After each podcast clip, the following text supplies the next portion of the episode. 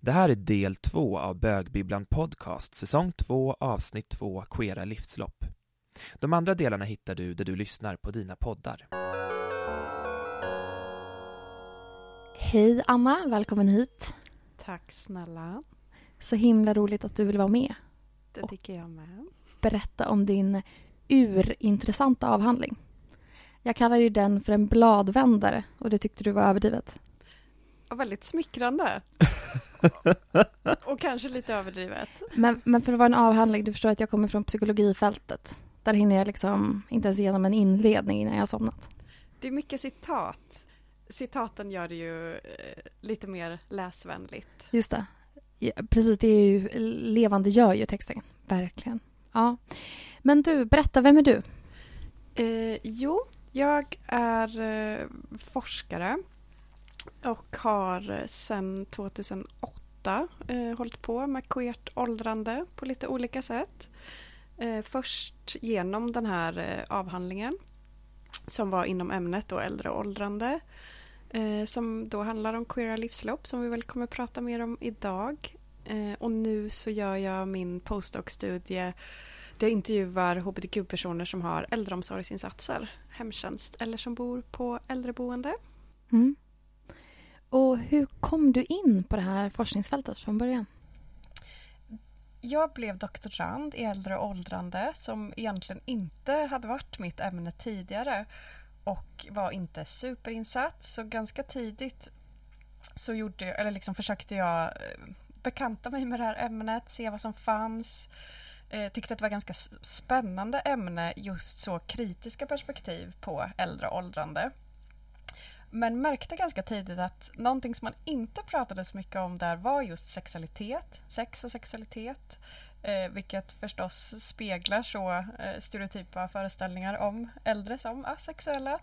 Eh, och särskilt tyst var det ju då om eh, hbtq-identiteter. Eh, eller ja, könsidentiteter och sexualiteter som inte då levde upp till normen. Eh, och då blev jag ju förstås ännu mer nyfiken på det.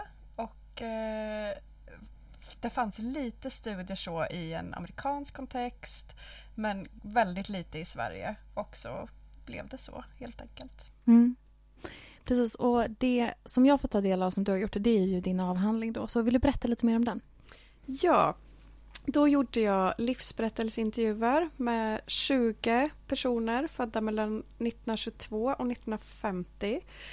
Och den här, det här forskningsfältet, eh, som fan, eller de studier som fanns hade fått en del kritik för att liksom, de personer som man hade pratat med var ofta så medelklasspersoner som bodde i större städer, var eh, organiserade i liksom, en eh, hbtq ja, men i hbtq-organisationer helt enkelt. Eh, och, så, så jag ville verkligen försöka hitta personer med lite mer blandade erfarenheter. Eh, så det tog ganska lång tid att hitta och rekrytera de här personerna. Och jag var ja, men från Skåne i söder till eh, Norrbotten eh, och träffade personer som ja, men hade ganska olika erfarenheter, både när det kom till ålder, alltså både när man var född men också i vilka tider den hade kommit ut.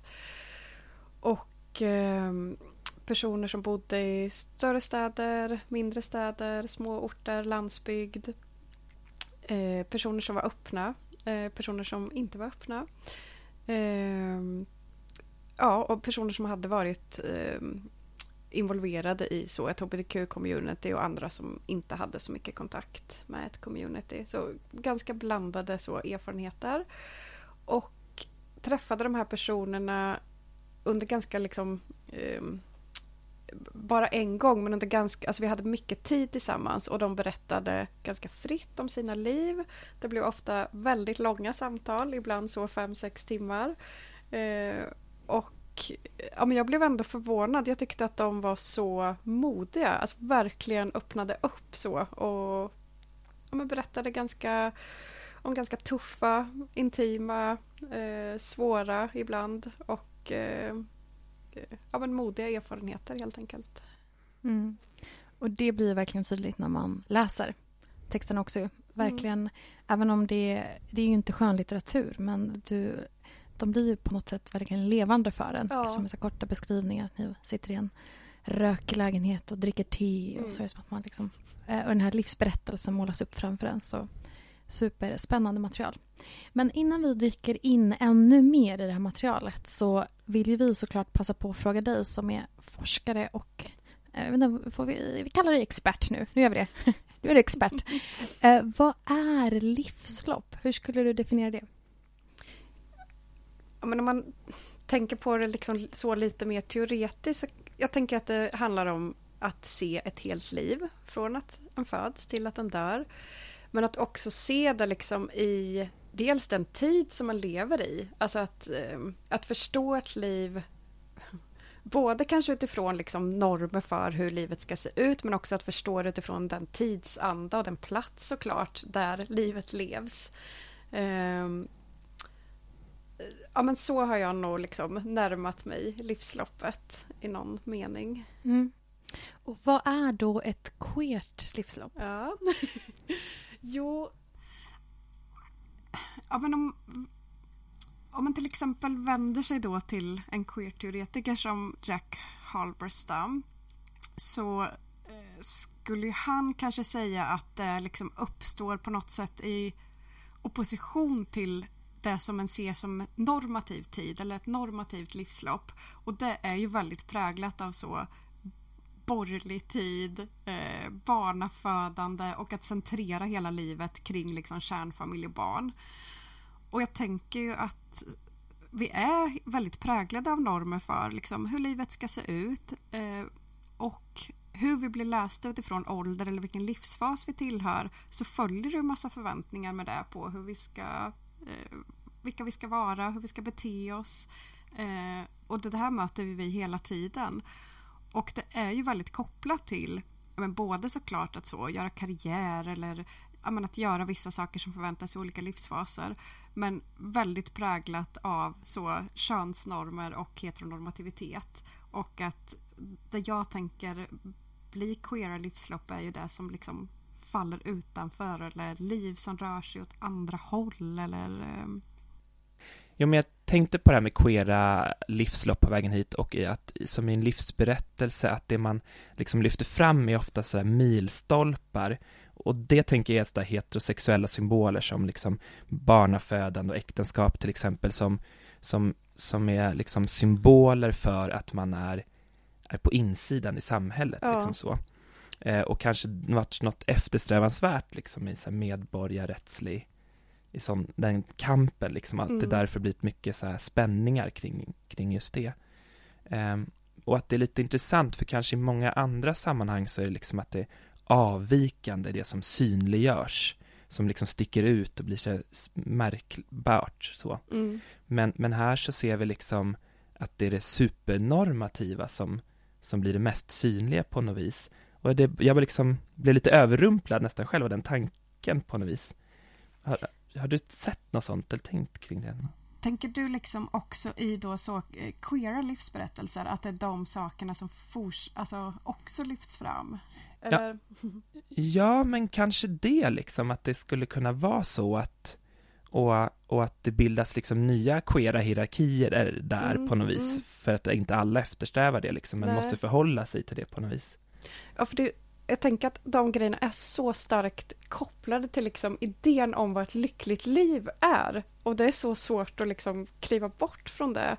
Men jag tänker också att, så, att det ändå and, andra liksom så här stora vändpunkter eller sådär som ofta framträder i då queera berättelser, till exempel att komma ut, Mm. eh, är ju ändå något som är sådär återkommande. Eller kanske när en har hittat fram till ett community, när en typ har träffat så här, sin första, andra queera person, eller speciellt för de här eh, personerna som tillhör generationer där det har varit så mycket mer svårtillgängligt. Alltså då har det blivit en mycket större grej när man ser så här sin första annons i Mm. tidningen som man förstår så här, det där är en annan lesbisk eller så. Eh, Jag vet inte riktigt om det var svar på din fråga men Men otroligt intressant ändå, liksom att det finns andra symboler som vi på något vis alla kan känna till i den berättelsen. ja, Mm. ja, Mm. Och kanske kan fira på ett annat sätt också. ja, Ja, men Mm. precis. Just det, för det är faktiskt en fråga som jag hade då. Att om vi då frångår det här äh, manuset för vad som är ett då normativt liksom, lyckat liv. Vad, finns det något queert manus? Och vad ingår då i så fall i det? Mm, precis, jättebra fråga. Ja, men dels tänker jag ju som sagt att det kan handla om att så här komma ut, kanske komma i kontakt med ett community. eh, och precis för att den här normativa berättelsen eller idén om tid och hur livet ska se ut är ju väldigt sådär framåtsyftande och ja, men så här, kopplat till utveckling och så. Och på ett sätt, alltså dels tänker jag att det finns så ex, exempel på queera berättelser som helt vänder sig emot, eller nu tänker jag på så här hiv och barebacking, att så här helt vägra bara gå med på den berättelsen och inte så här gå med på att livet hela tiden ska syfta framåt så där. Ehm, och sen tänker jag att det kan vara andra saker som beskrivs som liksom meningsfulla, till exempel att så, ja men som transperson till exempel, då kanske man eh, inte har upplevt att den har kunnat vara öppen under hela livet men kanske kommer ut på äldre dagar. Och de personerna pratar ju mycket om så Ja, men ett mål för dem är att så här, ja, men i, i framtiden vill jag kunna vara helt öppen i alla sammanhang. Nu har jag vågat komma ut här och i den här föreningen, men det är liksom mitt mål. Eller kanske att eh, även på äldre dagar så eh, hitta fram till ett community om man inte tidigare har kontakt med det. Och sen så tänker jag ju att och det kan jag ju känna igen i mitt eget liv, att just så community, gemenskap, relationer kan ju bli, eller framhållas som väldigt meningsfullt istället. Men jag tycker att det där är väldigt intressant för att om man inte gör all, de här förväntade sakerna det kanske är lätt för mig att säga då, som till exempel inte har barn, men det, en, det kan verka som att man får så mycket gratis då, alltså en bekräftelse på att ens liv är meningsfullt. Och ibland kan det ju kännas som ett ganska hårt arbete att då istället behöva hitta andra saker som är meningsfulla. Och eh, vad det nu ska vara, kan ta mycket energi och eh, fundera över. Mm. Ja, superintressant ju. Och ett pågående arbete, tänker jag. Men eh, en sak som jag tänker skulle kunna vara intressant för den som lyssnar och få eh, bara höra lite grann i dina tankar kring. Nu har vi direkt hoppat in på det här med queera livslopp, men, men hur skapas eh, det här manuset då? Eller hur skapar man det här lyckade, idén om det lyckade åldrandet till exempel, eller ett, liksom ett lyckat levnadslopp? Hur, hur skapas det? Ja, men när det gäller åldrande och att åldras så på ett lyckat vis eller framgångsrikt så kan man ju se att eh, ja, men, att det ändå har förändrats ganska mycket just norm, vad, hur normerna kring att åldras ser ut. Där ett konsumtionssamhälle, inte minst, eller ett kapitalistiskt samhälle eh, är jätteaktiva i att också skapa de här normerna. Alltså att de nypensionerade äldre, många har det ganska bra och där har ju såklart marknaden sett att här finns det pengar att tjäna. Så det är ju ganska liksom, starka ideal av att när du pensionerar dig då ska du liksom resa, eh, förverkliga dig själv, konsumera förstås. Eh, Anti-åldrandeindustrin omsätter ju hur mycket pengar som helst och den är också väldigt könad och väldigt eh, heterosexuell.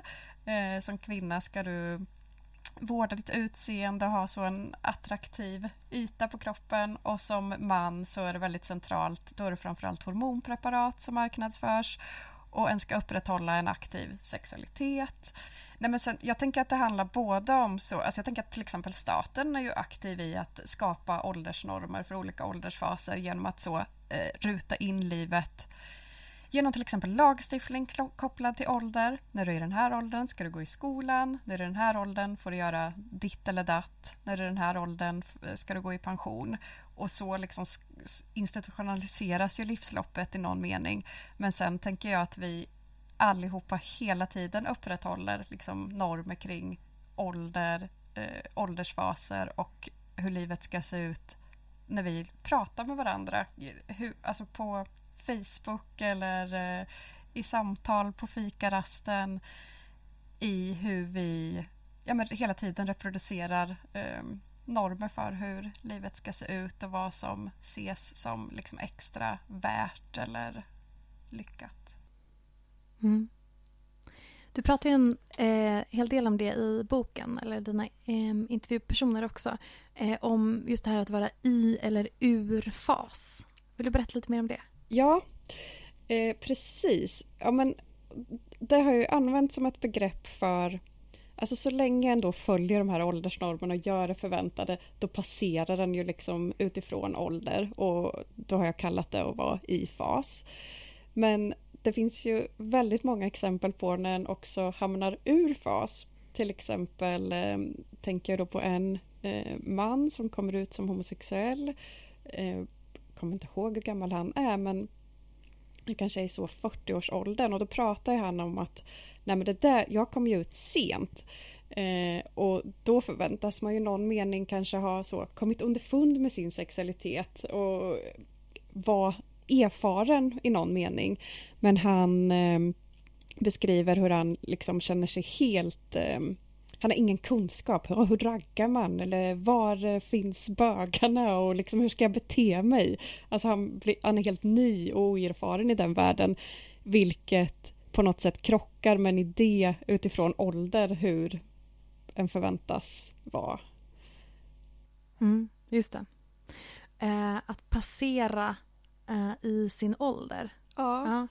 Eh, jättespännande begrepp. Jag, liksom, eh, tänker, jag är liksom inte van att tänka i, i de termerna men man förstår ju såklart direkt vad du syftar på där. Eh, några som iscensätter ålder, eller som du pratar om i boken, det är ju Lena och Sture. Det tyckte jag också var superspännande. Vill du berätta om dem? Ja, de pratar ju båda två om att så, nej men jag gör liksom inte bara kön utan jag gör också ålder och pratar då om sina liksom, transidentiteter helt enkelt eller vad man ska säga som att de har en annan ålder än då sina manliga jag. Det här nu pratar, liksom, anpassar jag mitt språk utifrån hur de pratar då. Och det har jag ju tyckt har varit intressant på Eh, på flera vis.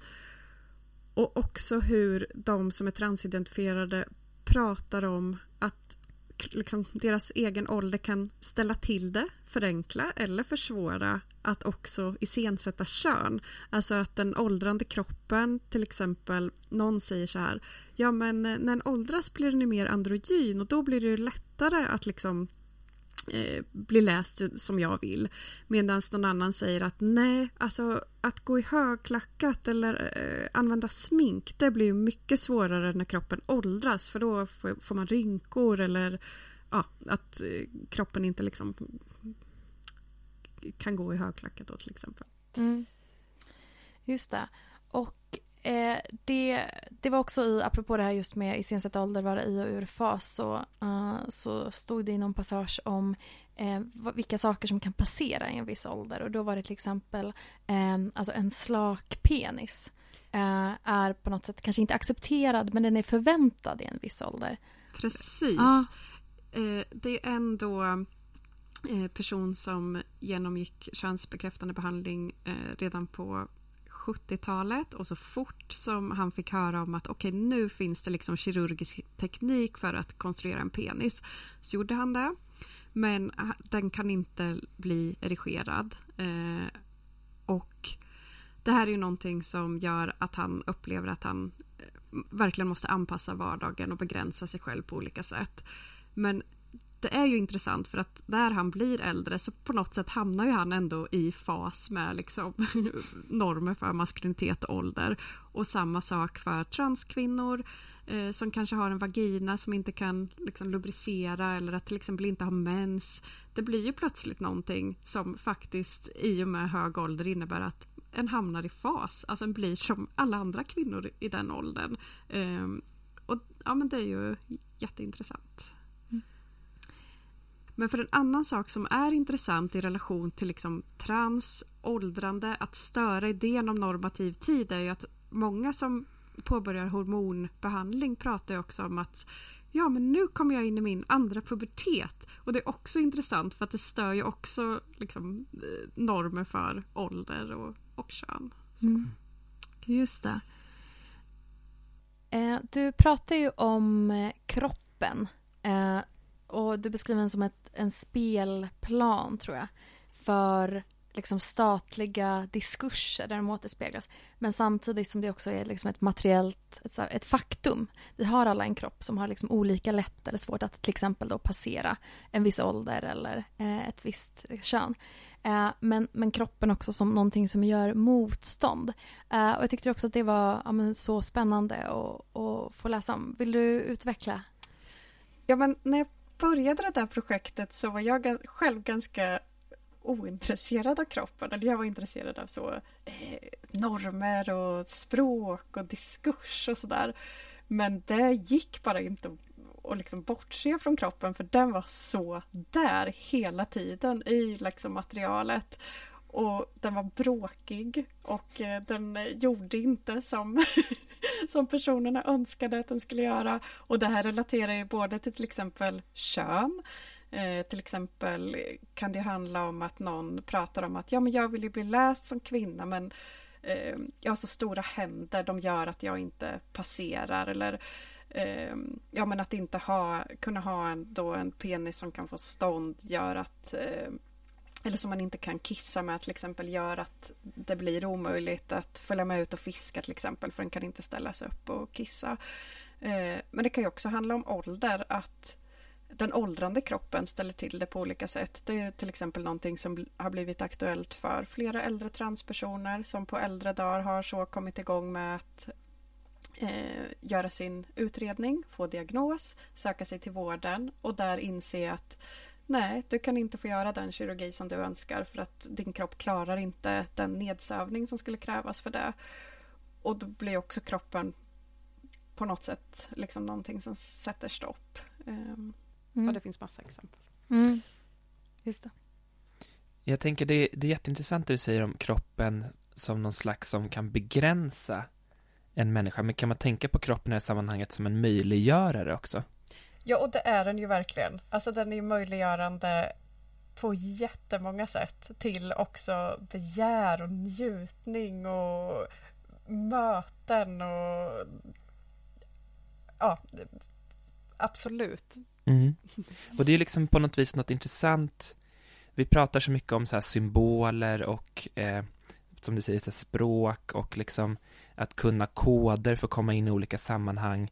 Men också bara så kroppen som en slags inträdesbiljett till ett, ett liv där man på något vis hör hemma. Ja, absolut. Det kan ju vara något fint med ja, det liksom. Mm. Ja. Mm.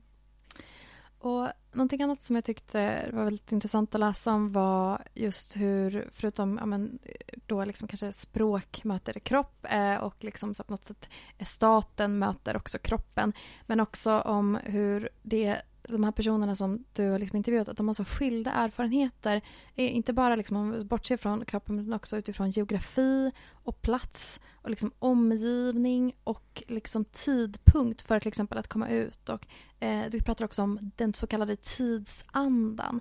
Uh, och det här tyckte jag också var så spännande att det ger verkligen så mycket komplexitet till um, eller när man ska försöka förstå så här, vad är ett queert liv och ett queert livslopp. Att det är så oerhört många saker som spelar in eh, apropå den tidigare frågan också, just det här att det är intressant att titta på historien, just att staten på så många sätt har verkligen försökt så kategorisera ut, skilja ut och liksom stävja queera begär och praktiker på, genom eh, lagstiftning, patologisering och sådär.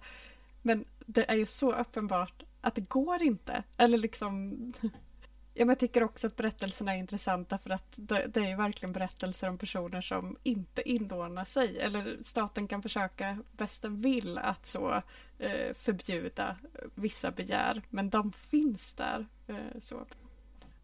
Um, livslopp pratar vi om idag. Och eh, någonting som eh, jag tycker också blev tydligt i framförallt de liksom tidiga liksom, intervjuerna eller delarna av eh, boken eller avhandlingen det var det här med queera förebilder eller avsaknad av queera förebilder. Vill du berätta mer om det? Ja, det var väldigt centralt och i synnerhet bland de lesbiska kvinnorna att det fanns så få eh, förebilder och överhuvudtaget berättelser om eller bilder av eh, ja, men både transpersoner och eh, homobisexuella personer det är ju flera lesbiska som pratar om att de allihopa läste Ensamhetens brunn. Eh, och det användes också i, eh, ja, men i så annonser, att en använder det som signatur för att eh, visa att så, det här är en lesbisk eh, dejt jag är ute efter. Men det som verkligen är gemensamt är ju att de skildringar som fanns var deppiga. De slutade ju alltid i olycka, självmord. Eh, och det där tycker jag att en kan... Det har ju hängt med länge. Det är ganska nyss som vi har fått andra, speciellt lesbiska skildringar som inte slutar i olycka. Och det är också ett så tydligt meddelande att eh, det här eh, det kommer gå dåligt för dig om du väljer det här livet. Eh, men precis, det där har ju varit centralt och det är många som också beskriver att nej men jag trodde att jag var ensam i hela världen om det här för det fanns inga tillgängliga berättelser. Och jag tycker ändå att det är intressant att de få som fanns, de har man letat upp och läst. Ehm, men precis, det var tunt. Mm. Och vad har det för betydelse då att liksom sakna queera förebilder? Det har jättestor betydelse eftersom både det och liksom i relation till att det har varit så liksom, när de här personerna var unga väldigt osynligt. Det har funnits få träffställen, eh, ja, men, synliga förebilder och så vidare. Det har ju lett till att många av de här personerna har ju inte upplevt det möjligt att vara öppna eller liksom leva ut sin könsidentitet eller sexualitet. Flera har ju levt ja, men valt att ingå heterosexuella äktenskap istället eller eh, ja, men inte vara öppna förrän senare under livet. Så jag tänker att det spelar jättestor roll liksom hur diskurserna ser ut för vad vi också upplever är möjligt att göra och vara. Och... Mm. Just det. Och hur... Eh, vi driver ju en tes här i det här avsnittet om att det finns liksom delar av det queera livsloppet som eh, finns representerade i kultur. Till exempel då att komma ut eller vissa delar av liksom ungdomen eller vuxenblivandet. Eh, men vad finns det för liksom förebilder när det kommer till ett, liksom ett, ett queert åldrande eller kanske snarare ett helt queert liv? Lite för få kan jag tycka. Eh, jag tänker att det finns berättelser om historiska berättelser, men det är ju inte riktigt samma sak. Alltså det finns ganska få berättelser som jag känner till om just eh, queert åldrande. Det är ju delvis under förändring, alltså det tycker jag har ändrats bara under de här drygt tio åren som jag har intresserat mig för det här. Att det finns en större synlighet av äldre sexualitet i allmänhet kanske, men också av queera äldre. Och det finns till exempel, eller jag tänker på serier som ehm, vad heter den? Grace and Frankie, Frankie and Grace. Eh, men då är det lite så, lite tokroligt och eh, ja, lite gulligt kanske. Eh, tänker också på den här dokumentären om eh, hon Dominan som är 87 eh, som heter Catherine... Oh, vet ni? Eh, en fransk eh, domina som eh, har ja, men, undgivna älskare. Eh, den tyckte jag verkligen om för där var det inte som att så, det behövde vara gulligt för att hon var äldre utan eh, ja, men det var en annan typ av skildring. Men litteraturmässigt ganska tunt. En tidig serie som kom, eh, tänker jag var Transparent. Ja, ja. Eh, som en, alltså det är ju inte en gammal, gammal människa, men Nej, ändå så men... lite övre medelålder ja, kanske. absolut. Eh, Den... Som ju tyvärr eh, blev in, avlyst, vad säger man? Ja, eh, precis. Och intressant också att den person, huvudkaraktären som är en transperson inte spelades av en transperson. Mm. Men ändå Mm. Och det är ett tidigt exempel och det är typ 2014. Ja. så det är inte ja. så jättelänge sedan. Nej. Mm. Eh, nej men det jag är nyfiken på, det är liksom, eh, jag tänker den här, för den här generationen som liksom inte hade så många förebilder och inte liksom den här Alltså vi har ju en så otroligt rik flora av begrepp för sexualiteter och könsidentiteter idag. Eh, men där hade man kanske att typ alla hade läst Ensamhetens brunn eller Maurice eller liksom, alltså att det fanns några verk man kanske kände till. Eh, man hade kanske med en sma, färre liksom kodord, eh, varav vissa kanske gått så här förlorade, typ skanor, som ingen säger längre. Finns det liksom um, jag tänker, finns det, hade de här de intervjupersonerna några tankar kring typ att det är så otroligt annorlunda nu, liksom fanns det, förstår du vad jag menar? Mm.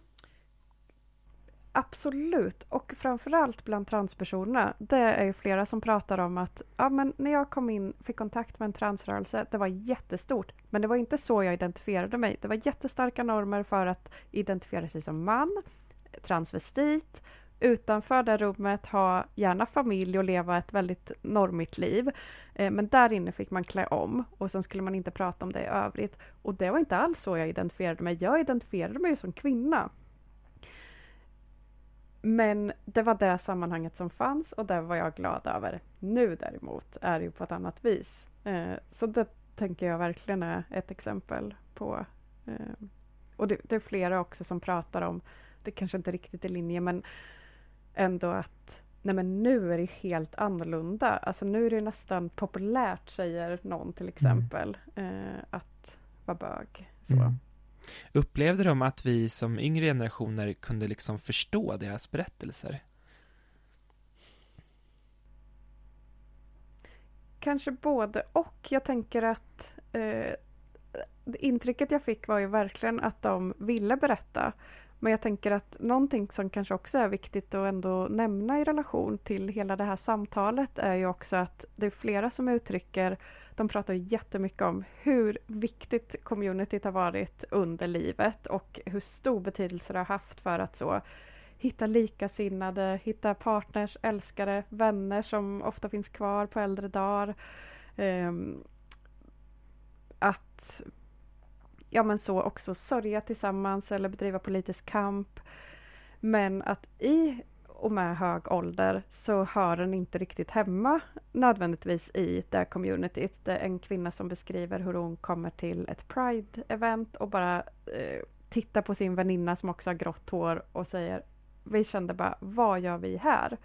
Och bland bögar är det ju väldigt vanligt att eh, känna av de här ganska starka liksom, ungdoms och utseendenormerna Eh, och att det är så tydligt att ens, ju, ju äldre en blir, ju längre sjunker en eh, ner i liksom en utseende eller attraktionshierarki så, eller begärshierarki. Och det tänker jag är så viktigt att prata om mer. Eh, vad de, ja, men hur de åldersnormerna finns liksom också i våra queera rum och vad det gör för äldre till exempel. Det är verkligen intressant det du säger om det här med hierarkier kring attraktion och utseende och så.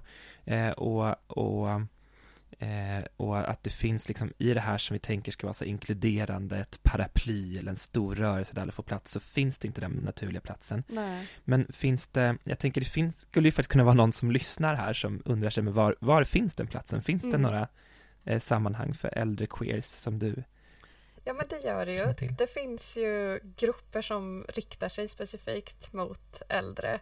Eh, det finns ju flera medlemsgrupper inom RFSL som riktar sig specifikt till seniorer. Men nu kom jag på en sak till som jag vill lägga till då apropå det där. För att till exempel är det flera lesbiska som pratar om att ja men jag tycker ändå att jag också kan få en respekt i, ja men att, i åldersblandade lesbiska sammanhang för att den är gammal aktivist eller att den har gått före. Och det där är ju faktiskt något som blir annorlunda för oss som kommer här sen. Att vi har ju ändå de här personerna att på något sätt hålla i eller se till och sådär. Eh, som ju är synliga ändå på ett annat vis än vad de har haft. Och det är ju, eh, det tycker jag också i relation till hög ålder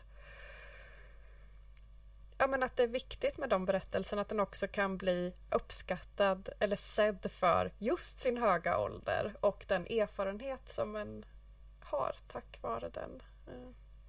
Nej, men för jag tänker att också en annan sak som är intressant i relation till hela den här diskussionen är ju också att tänka på så queera generationer. Alltså att frångå liksom generationsbegreppet som bara någonting, är någonting som sker i, liksom, inom familj eller mellan barn och barnbarn.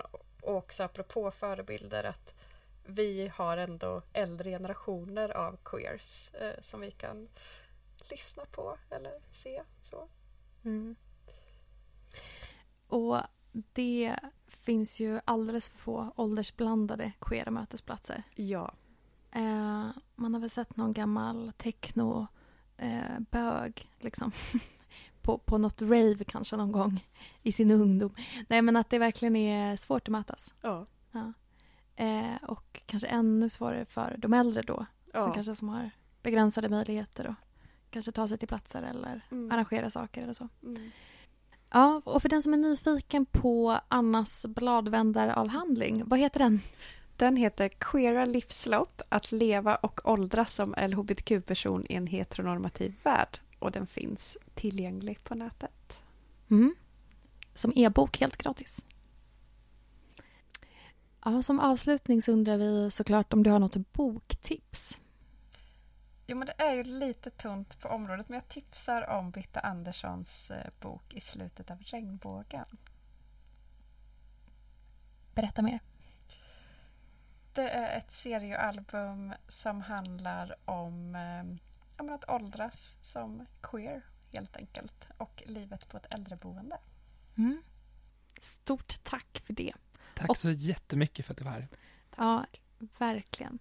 Tack. Så kul att ha med en gäst här. Verkligen, och särskilt en expert. En expert. Mm. Jag tycker det är jättekul att prata med dig också Max, det är inte det. Men det är så kul att få prata med en expert.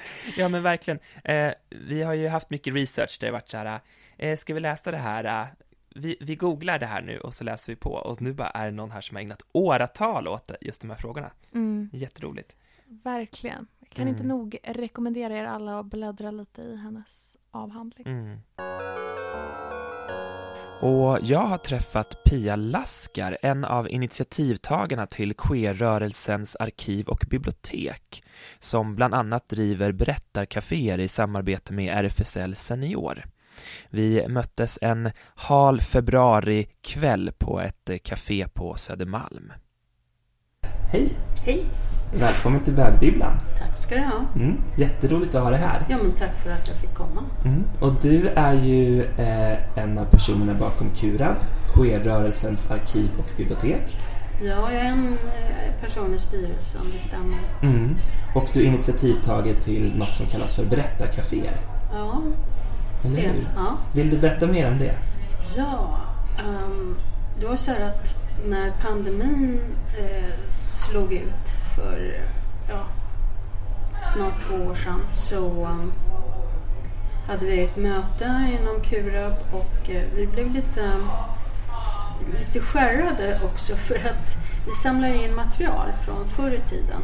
Från eh, ja, material som handlar om eh, eh, det kan vara vad som helst. Det kan vara böcker, det kan vara dagböcker, det kan vara biljetter till något evenemang. Det kan vara flygblad eller någon medlemsklubb, medlemskap eller fotalbum eller vad som helst liksom, som berättar om levda liv.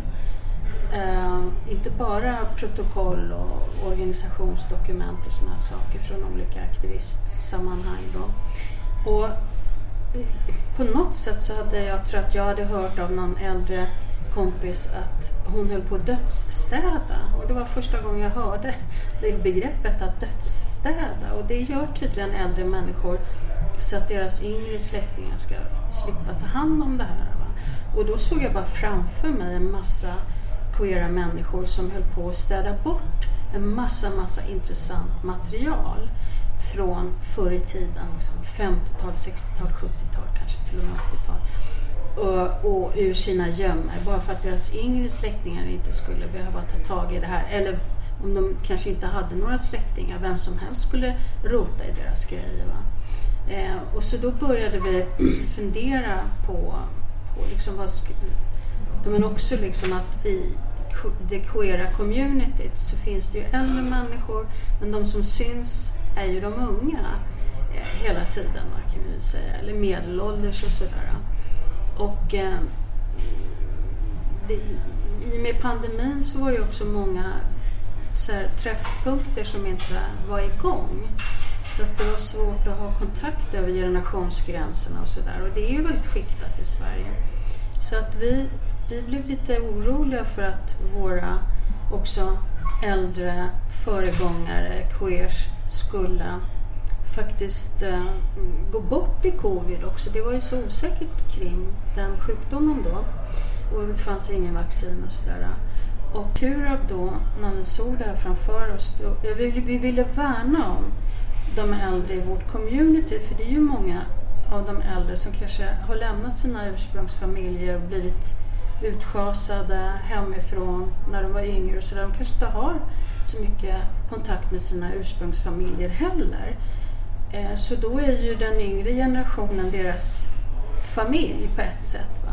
Liksom så vi, vi var väldigt angelägna om att våra äldre eh, föregångare då inte skulle bli isolerade och sådär under covid utan faktiskt vi ville på olika sätt nå dem. Och då tänkte vi efter, vad kan vi göra? Sen så hittade vi på på vår hemsida eh, att det går att lämna in berättelser. Vi, vi har en, några flikar som heter Min berättelse, din berättelse, vår berättelse. Eh, där det går att, att skicka in stories. Det kan vara bara ett A4 eller en liten berättelse om någonting, något minne, första kärleken, eh, homohat eller vad morsan sa när han kom ut eller vad som helst. Va?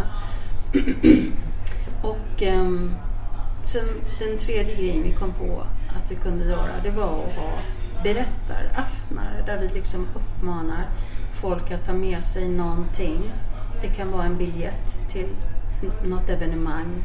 Det kan vara eh, en meny från någon, någon, rolig tillställning som skapades någon gång för att samla in pengar eller bara ja, kul ihop liksom. Eller det kan vara något någon flyer till, eller flygblad till något, eh, någon demonstration eller någon protest eller vad som helst. Alla möjliga grejer. Eh. eh jag blir nyfiken på hur, hur går en sån berättarkväll eller berättarcafé till? Ja, vi har inte kunnat eh, pröva det så mycket eh, fysiskt då men vad tanken är då att vi gör ungefär som vi gjorde under den här digitala eh, träffen. Alltså att gång nummer ett så presenteras då till exempel vikten av att samla in dokument från eh, LHBTQIA eh, eh, historien ehm, och ehm, bevara den för eh, framtiden och även tillgängliggöra den för framtiden. För unga människor av idag eller människor som ännu inte är födda som som faktiskt ska höra eh, de historier som har funnits. Va? Och det finns någonting som är väldigt, väldigt viktigt med just att eh, få den levda historien. Jag är ju själv idéhistoriker då eh, och sysslat väldigt mycket med sexualitetens historia. Och väldigt mycket av den forskning som görs kring queer är ju baserad på dokument dels från organisationer då som har funnits som RFSL men också från medicin, eh, medicinska dokument där, där det har varit diagnoser och terapier och sådana saker. Alltså då, har man fått, eh, då har vi fått läkarnas bild av det hela och det kan vi forska på. Och sen en, en tredje eh, eh, källa har ju varit då, eh, juridiska dokument, nämligen polis eh, aktioner, polisförhör, eh, rättegångsprotokoll och sådana saker.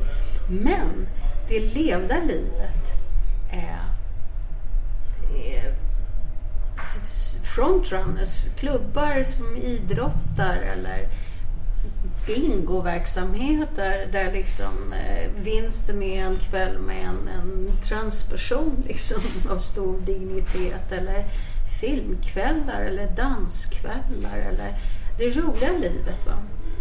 Eh, jag var med i utkanterna, eller i ett projekt. Det blev inte av. Men jag lärde mig någonting där och det, det är liksom eh, kring transhistoria till exempel. Var köpte de skorna någonstans? Liksom, de högklackade skorna eller de lackskorna i storlek 37. Mm. Liksom. Eh, eller högklackade i storlek 48. Eh, var, var las håret eller var fick du en herrklippning liksom? Eh, eh, och så vidare och så vidare. Vad, vad, vad hade man kul någonstans? Va? Det livet måste vi ju faktiskt få fatt i. För det finns ingen eh, skriven historia kring det. Va? Utan det är den här det blir en miserabel historia med alla rättegångar och, och polisförhör och sådana här saker. Va? Eller så kan det bli den här medicinska historien som inte heller är så rolig att läsa. Men just den levda historien varför, bli, varför har vi uthärdat, liksom trots allt runt omkring oss och liksom speciellt de som är äldre nu. Hur har de liksom uthärdat det här? Ja men det är för att de har haft kul också. Mm. Eller hur? Så att de historierna är jätteviktiga att få fatt i. Den queera glädjen liksom? Ja, den queera liksom upprymdheten. Eh, den queera, det queera vardagslivet också. Det är ju inte bara liksom om man sitter hemma och nu eh, gick hon ifrån mig och nu blev jag alkoholist. Och, jag menar sådana stories har vi ju också fått. Och det är liksom lite grann media, media som har varit intresserade i sådana för historia på något sätt. Liksom. Det har ju också funnits mycket glädje och energi. Liksom.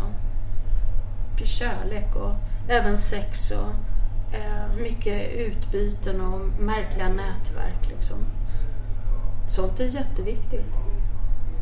Och hur ska vi få fatt i de eh, dokumenten? Ja, men det är ju det levda livet. Det är ju det som folk har i sina byrålådor och fotoalbum och liksom små askar. Mm. Men vi har fått väldigt mycket från RFSL, förbundet. Uh, de har ju förstått att vi finns nu det gavs ju bort väldigt mycket i början. Det var ju väldigt katastrofalt på många olika sätt. Och det var ju så Kurab startade med att vår arkivarie då, Olof Kriström, åkte upp till Stockholm och med fyra ryggsäckar och sånt där i bagaget och fyllde dem med, med böcker. Va, tog hem. Eh, till, och, och adda sin privata samling. Och sen har det ju ramlat in. Vi får ju mycket donationer också från dödsbon. Eh, där vi får både dokument och fotoalbum och böcker. Och, eh, så vi tar emot alla möjliga. Vi tar emot eh, banderoller och Eh, hattar som folk har haft på sig i demonstrationer och plakat och sånt där. Det, det är väldigt mycket samlande. Eh, men också böcker, tidskrifter, eh, allt möjligt helt enkelt. Vi har fått eh, eh vi har eh, lagt över från VHS-samlingar och sånt där från kabaréer som har satts upp och filmats på 70-talet eller kanske tidigare. Så har vi digitaliserat det.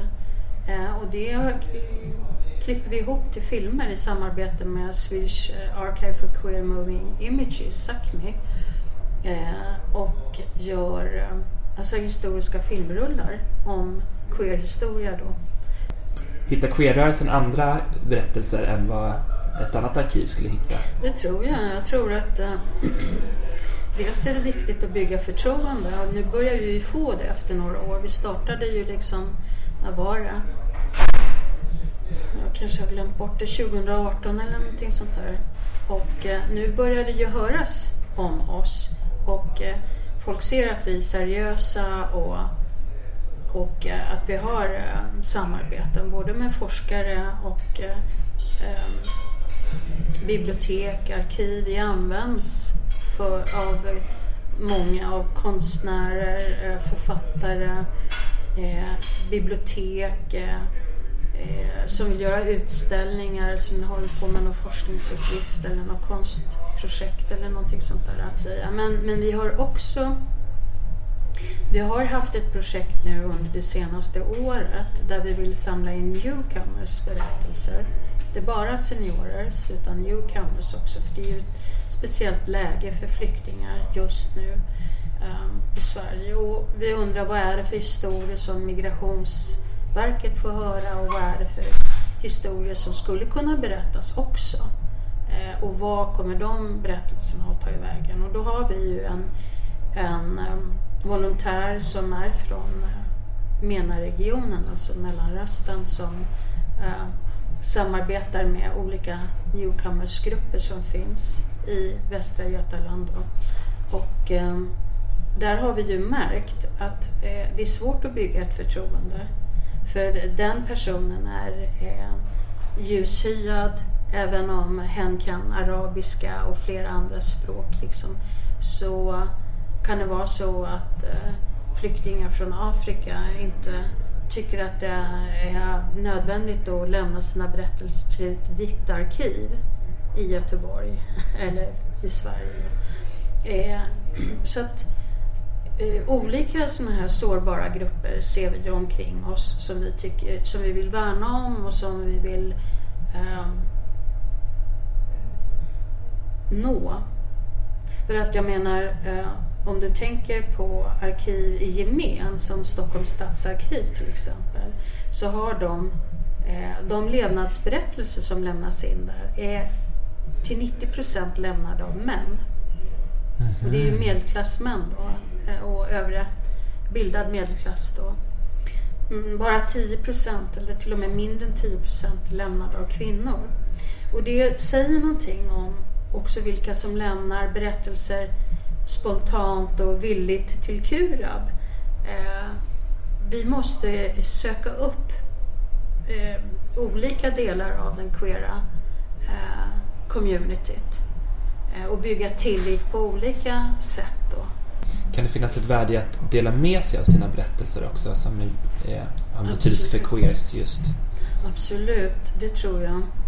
Alltså Anledningen till att RFSL tände på den här idén, eh, seniorverksamheten, tände på den här idén efter den här berättarkvällen när folk verkligen tog med sig eh, någonting. Det kunde vara ett foto eller ja, någon berättade om eh, sin eh, ungdom och, och, att han numera var ledsen. Han var kanske i 80-årsåldern. Han var ledsen idag över att han inte hade varit med om den här eh, glädje det här glada livet som flera andra pratade om under den här kvällen. Eh, och det är ju också viktigt eh, med sådana berättelser. Alltså, och jag tror att det blev en... Eh, Vanja berättade liksom efter den här kvällen att det hade blivit en så fin stämning och de hade gjort en utvärdering och många tyckte att det hade blivit så... Folk hade blivit så närvarande och det hade blivit så en innerlig och fin stämning just för att eh, folk fick uttrycka sig eh, på det sätt som de ville naturligtvis men också med hjälp av de här fotografierna eller någon text. En hade till exempel till och med skrivit en bok som han kom med. En annan berättade om hur han hade kommit till Sverige uh, för 50 år sedan på grund av kärleken och hade med sig något, något foto på när han vandrade i fjällen liksom med den här. Ja, det var jättefint faktiskt. Så jag tror att det, det finns ett stort värde, speciellt för människor nu då som har suttit kanske lite ensamma och isolerade under pandemin och kanske inte kan tekniken så bra och kan ha Zoom-möten eller ja, det är fjärran. Eller de sitter kanske på något ålderdomshem eller alltså någon sån här seniorboende eller något sånt där. Utan så mycket queera kontakter i sin vardag. Och gå med rullator och svårt att gå, gå när det är isigt och slaskigt ute och sådär. För där finns det ett stort värde, liksom att bara få uttrycka sig, sina egna erfarenheter och bli mötta i de här erfarenheterna. Få bli mottagen i sina berättelser om fjärran tid och, och närmare tid så att säga. Och, och, sina upplevelser kring olika händelser och så. Jag tror att det, det finns ett väldigt, väldigt stort värde rent eh, bekräftelsemässigt. Att bli sedd och hörd och lyssnad på. Då blir du någonting i samma ögonblick. Mm.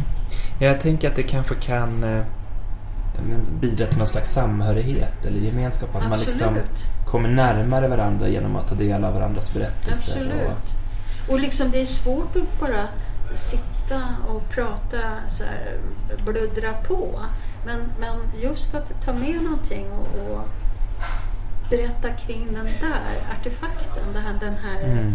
texten eller fotot eller kanske en sak. En kaffekopp.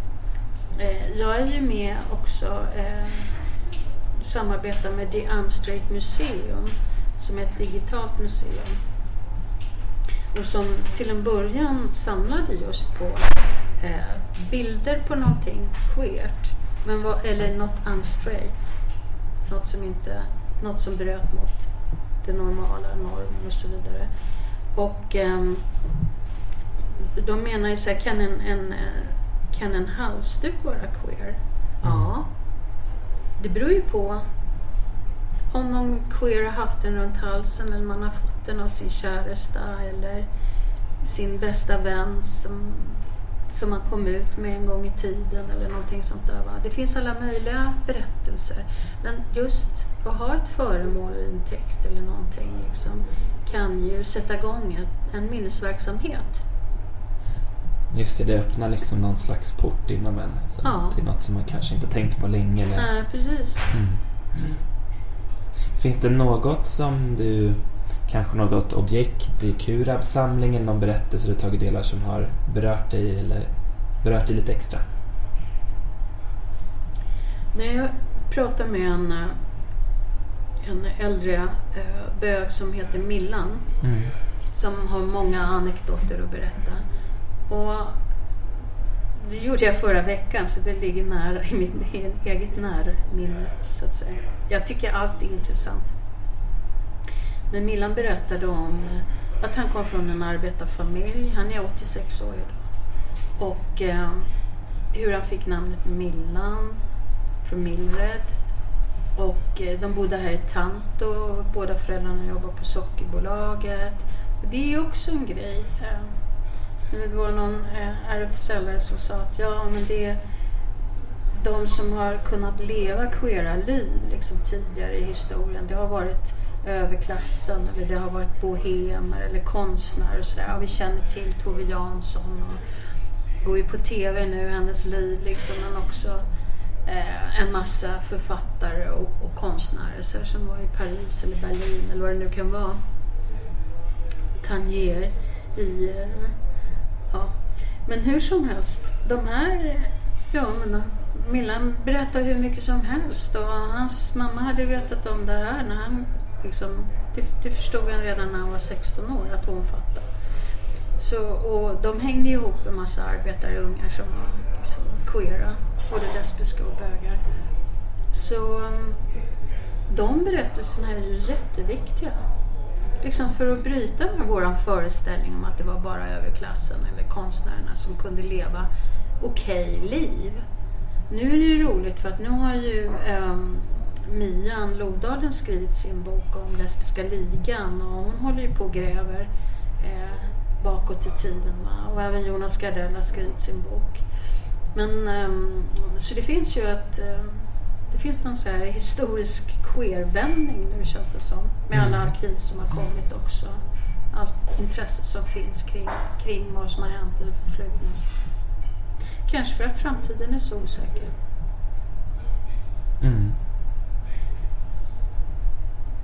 Ja, jag upplever också att det finns ett, ett eh, jag upplever också att det finns liksom ett, ett intresse från många av att ta del av den queera historien. Mm.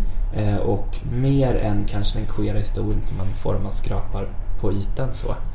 Eh, och jag tänker lite att det, det, för min generation så var ju Torkande tårar någon slags här portalverk till en historia som man nästan knappt hade fått ta del av mm. som mm. 90-talist. Mm. Men nu är det så må många i min generation som liksom vill veta mer bortom den, mm. bortom 80-talet liksom mm. så. Och så att jag tror att det stämmer att det är nog en finns någon slags sug också eller någon mm. slags kraft i det. Mm. mm. Vad heter det? du berättade att ni inte hunnit testa berättarkaféerna så mycket ännu. Men vad, vad har du för förväntningar framåt nu när det kanske blir möjligt att ses lite mer och, och, och prova konceptet mer? Så förväntningarna är väl alltså att bygga upp någon slags eh, berättelsebank på något sätt. Va? Um, det ingår ju kanske att skriva ner berättelser eller ha skrivarverkstäder eller också i framtiden och sådär för att få fram fler berättelser. Kanske intervjuprojekt. Ehm, så ja, min förhoppning är ju att, att eh, den här his queera historievändningen på något sätt ska spridas på en massa olika sätt. Och att eh, folk ska kunna jobba lite grann med, med det här i framtiden. För att precis som med många människor som var med om eh, Förintelsen eh, håller på och lämnar oss nu då, och det blir viktigt att samla in de berättelserna så blir det också, och det måste vi föra fram på agendan, liksom, viktigt att ta vara på de äldre queera berättelserna, eh, queera människornas berättelser. Även om det kanske inte finns så mycket insamlat ännu så tänker jag att du kanske har något tips på någon eh, litterär skildring eller någon annan skildring eller samling med berättelser som du skulle vilja tipsa oss och våra lyssnare om? Mm. Alltså, det finns ju en, en eh, seriebok av Bitte Andersson som heter Slutet av regnbågarna som precis har kommit. Uh, och där är Millan med någonstans tror jag. Mm. Mm. Eh, för de är kompisar. Um, så den, den har jag bara bläddrat i men den verkar jättetrevlig. Mm. Sen så kom jag på, för de som läser engelska, så finns det en bok som heter I come with my songs av Elsa Gidlov.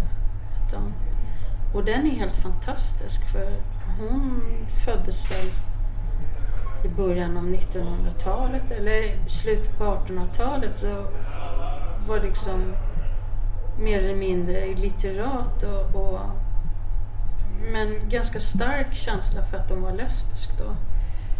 Eh, och hennes resa liksom att, som handlar om att inte ha några referenser alls men ändå le, till slut leva ett väldigt fint liv tillsammans med andra kvinnor och Eh, med andra som delade hennes politiska värderingar och andliga värderingar också. För de tog spjärn också i, i buddhismen och sånt där på den tiden.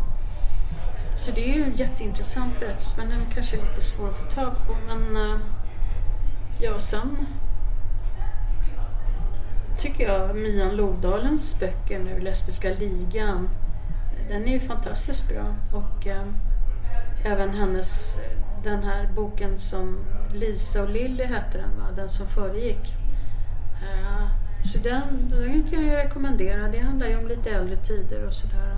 Även, jag har inte läst Jonas Gardells bok om Pontus Wikner och eh, den tidiga homofrigörelsen.